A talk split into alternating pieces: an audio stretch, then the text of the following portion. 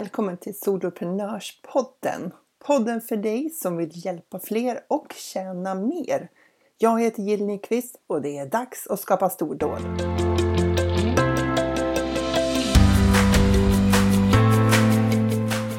I det här avsnittet ska vi prata om en av de saker vi kanske är mest rädda för som soloföretagare.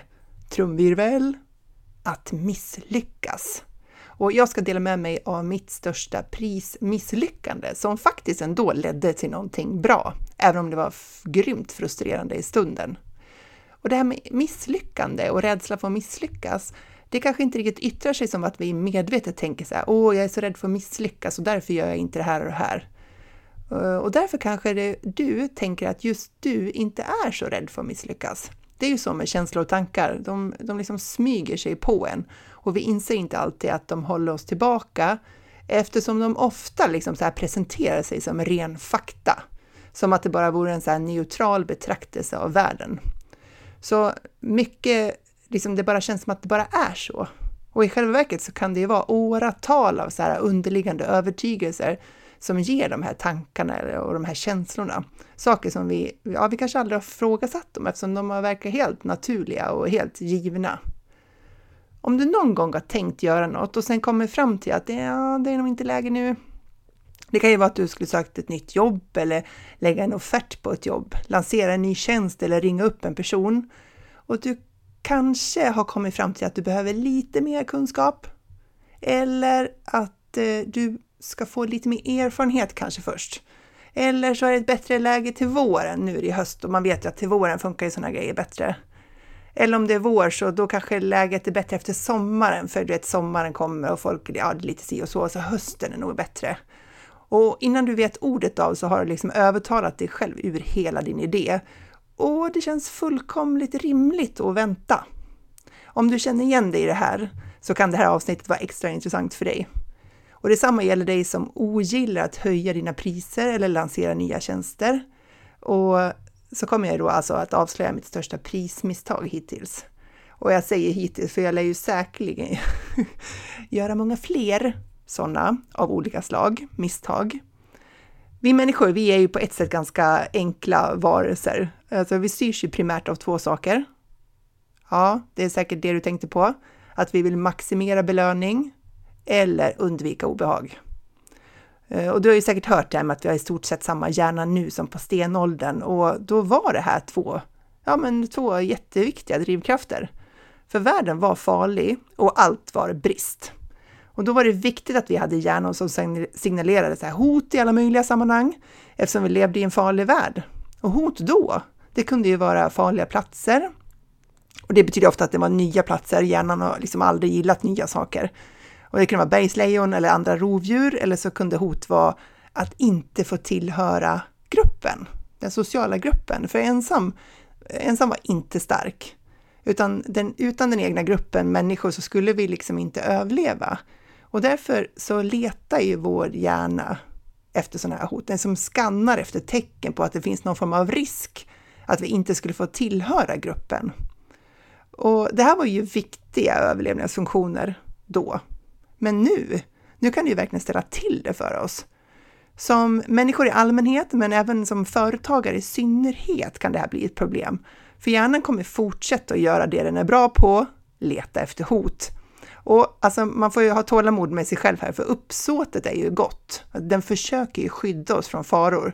Och därför så kommer den att producera mängder av tankar som handlar om alla risker med de beslut som du står inför och den kommer belöna dig när du håller dig till din komfortzon ända fram tills dess att du utmanar dig själv och så ser du att du klarar av det och det ger ju en ännu större känsla av belöning och tillfredsställelse.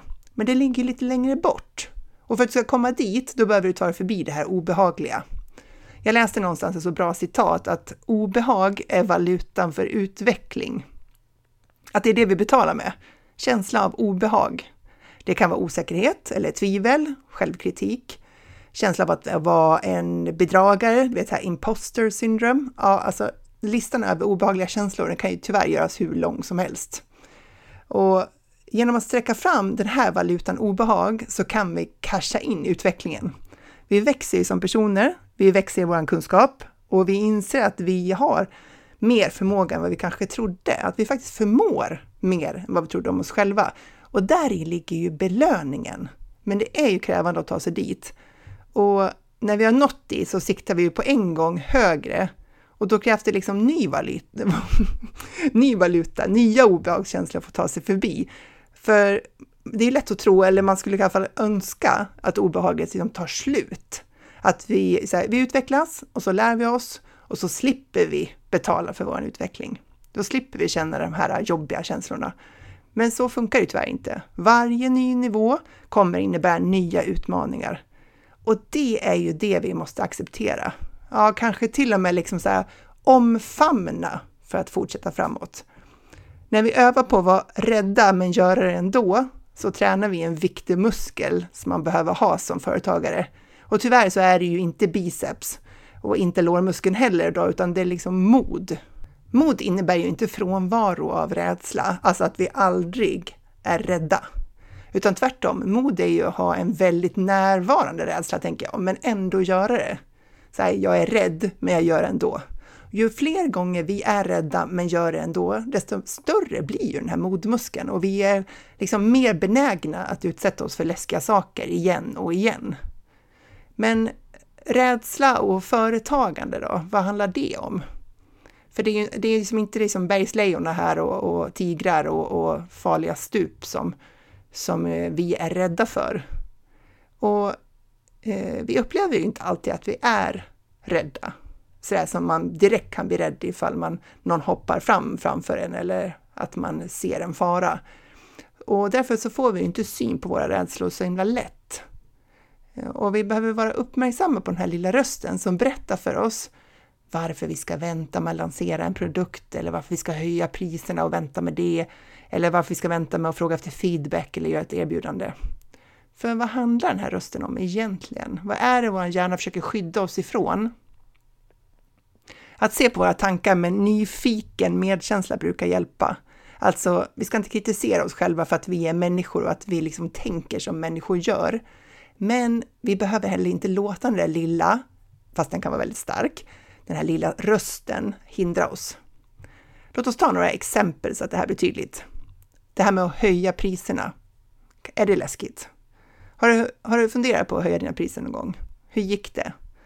Var det lätt att höja för att du kände att du självklart levererar ett stort värde så det kändes tveklöst rätt? Eller kändes det lite svårt och läskigt? Kanske slutade det med att du höjde mindre än vad du önskat från början. Eller så lyckades du övertala dig själv att inte höja alls. Jag vet inte, vad gällde för dig? Eh, och höjde du inte alls, då var du tillbaka i komfortzonen. Skönt, inget, eh, inget obehag, men heller ingen utveckling. Om du tänker på det priset du har nu för ett föredrag eller en coachningstimme eller vad det nu det erbjuder, din medlemstjänst kanske. Är du nöjd med den nivån? Eller känns den så låg att du börjar tycka illa om det du gör för att det liksom inte riktigt känns som det är värt det? När du ska berätta för någon vad ditt pris Eh, för att, vi säger ett föredrag då, vad ditt pris är för ett föredrag, vad ditt föredrag kostar, hur jobbigt är det att säga det priset då? Om du tänker en skala 1 till 10, där 1 då är inte jobbigt alls och 10 är nästan outhärdligt jobbigt att få ur sig den här siffran. Om, du känner, om det du känner ger en siffra under 7 så kanske du ska överväga att höja priset, för då kan det ju vara så att du levererar mer värde än vad du faktiskt har betalt för. Eh, när jag skulle börja föreläsa om föräldraskap till barn med ADHD så började jag ju med att göra det gratis. Och sen tog jag i och så satte jag priset 2500 kronor för föreläsning. Och då kändes det kanske som en fyra att säga det priset. Men när jag skulle börja leva på mitt företagande, alltså när jag inte längre hade en anställning liksom, som jag primärt fick in pengar på, så insåg jag ju rätt snabbt att det skulle aldrig funka att ta så här lite betalt. Jag skulle behöva sälja hur många föreläsningar som helst för att bara få in en vanlig lön. Så jag bestämde mig för att jag skulle ta 15 000 kronor per föreläsning, upp till tre timmar lång. Plus resekostnader, om det var några sådana. Och min målbild, den var 39 500 kronor. För att det hade jag, för, eh, alltså jag hade bokat en föreläsare när jag jobbade som chef. Eh, Olof Rolander var det. Och han tog 39 500 kronor för en föreläsning han kom och gjorde och den var en timme lång. Hmm. Så jag tänkte att det där verkar ju jättebra pris. Dit skulle jag vilja komma. Och dessutom tyckte jag ju då att jag skulle säkert kunna leverera lika bra som honom om jag bara fick liksom köra på ett tag och öva mig på det här så skulle jag kunna bli en superbra föreläsare. Så det var liksom, det var min tanke och det var min målbild. Men jag kunde inte börja med att sälja eh, en föreläsning på Olof Rolander nivå eftersom han var professionell föreläsare. Så då tänkte jag att 15 000, det där kändes ju som ett bra pris. I alla fall i teorin. För första gången jag skulle säga det där priset, då höll jag typ på att dö. Jag hade en kund från Stockholm som var superintresserad av min föreläsning. Hon hade redan köpt typ 30 böcker som jag hade skrivit eh, och nu ville hon ha ett pris för den här föreläsningen. Och vi pratade i telefon. Mm -hmm. Och då går det lite snabbt när man pratar i telefon. Det är skillnad när man ska svara på ett mejl, då hinner man ju tänka. Det kan ju vara både bra och dåligt, men här var ett telefonsamtal. Och i mitt huvud så tänkte jag så här, 15 000 kronor plus moms. Så här hjärtat bultade och hjärnan liksom skrek. Och så kom ju hennes fråga då. Ja, men vad tar du för en föreläsning?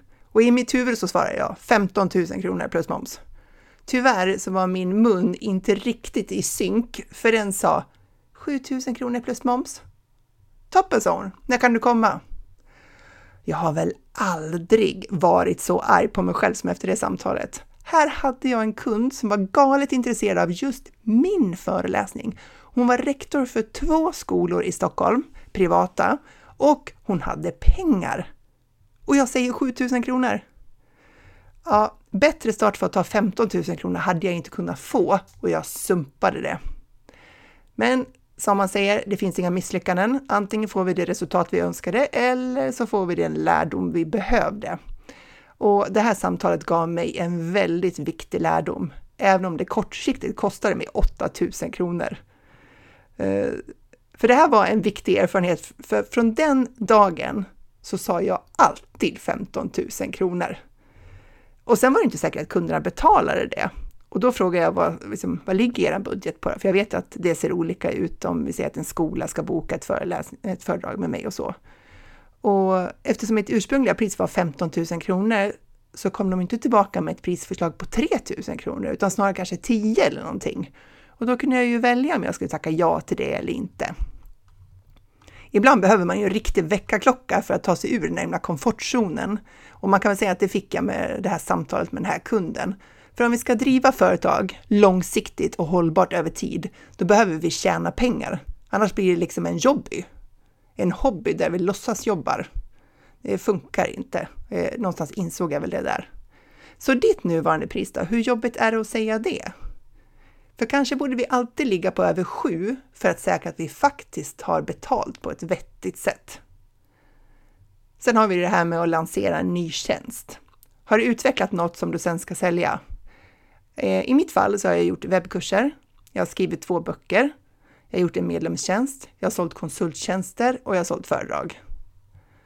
Jag kan ta det här med bokskrivandet som ett exempel. För först när man börjar skriva en bok, då verkar det vara en jättebra idé. I början är det superroligt, fingrarna flyger över tangenterna och inspirationen flödar. Sen börjar det ta emot. Först, eh, för det är liksom inte lika pepp längre. Och sen kommer ju tvivlet. Jag kan prata om bokskrivarprocessen i ett annat avsnitt om du är intresserad av det, men om vi ska zooma in på det här med tvivlet nu. Jag hade alltså skrivit nästan 200 sidor och nu, ja, nu vill jag inte längre ge ut boken. För vem skulle vilja läsa det här? Världens sämsta bok hade precis blivit skapad. Alla mina erfarenheter, var det egentligen inte bara så här, navelskåderi, självterapi, till nytta för ingen? Ni vet, man vaknar på natten och tänker nej, det här går inte. Jag kan inte sälja den här boken. Den är för dålig. För när vi skapar saker för våra egna visioner, då blir vi sårbara. Det är ju därför företagandet, liksom, det är inte för alla. Alla vill inte utsätta sig för andras dömande och kritik eller eventuella hyllningar då i bästa fall.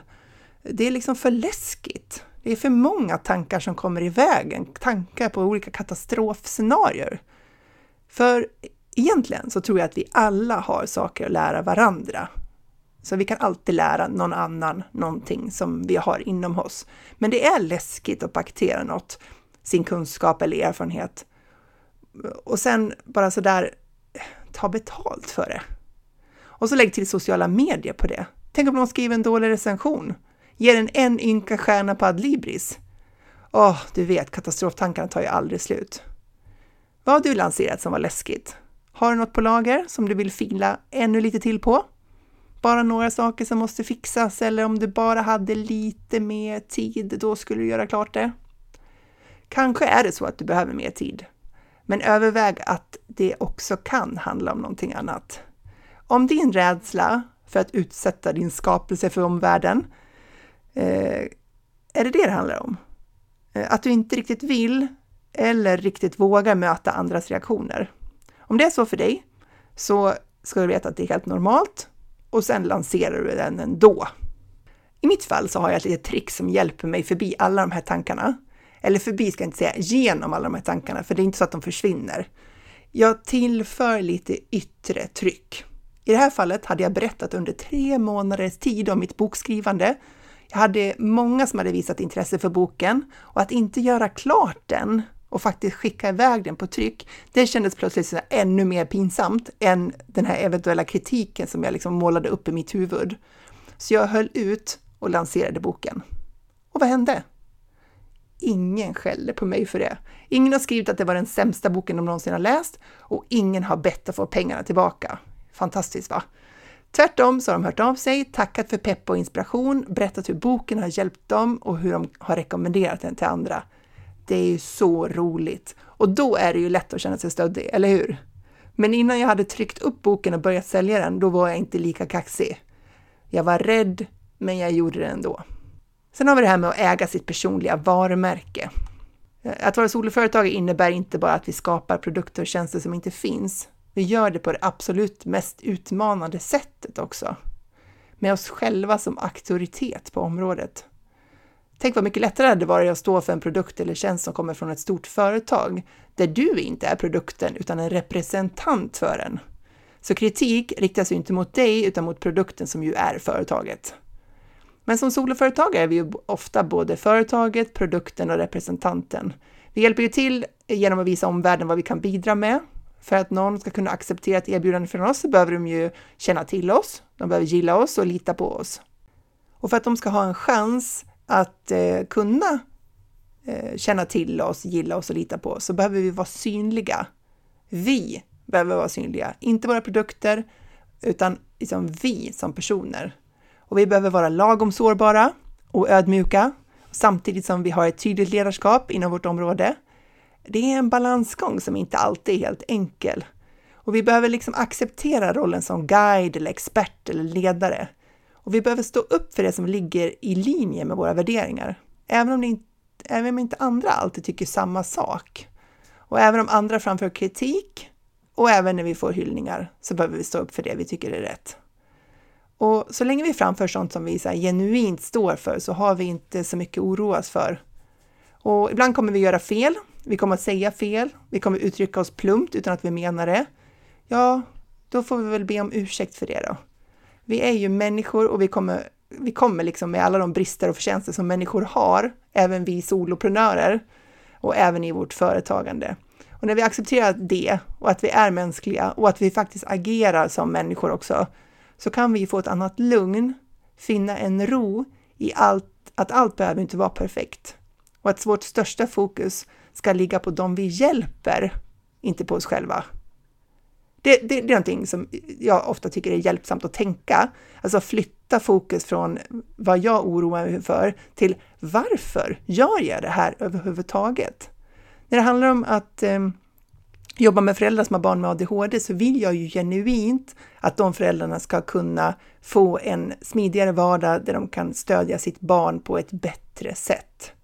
Och om jag ska hela tiden oroa mig för då att tänk om det här poddavsnittet inte blir tillräckligt bra eller tänk om eh, det här inlägget upprör någon eller sådär, då kommer jag ju missa möjligheten att faktiskt hjälpa dem som är mina idealkunder.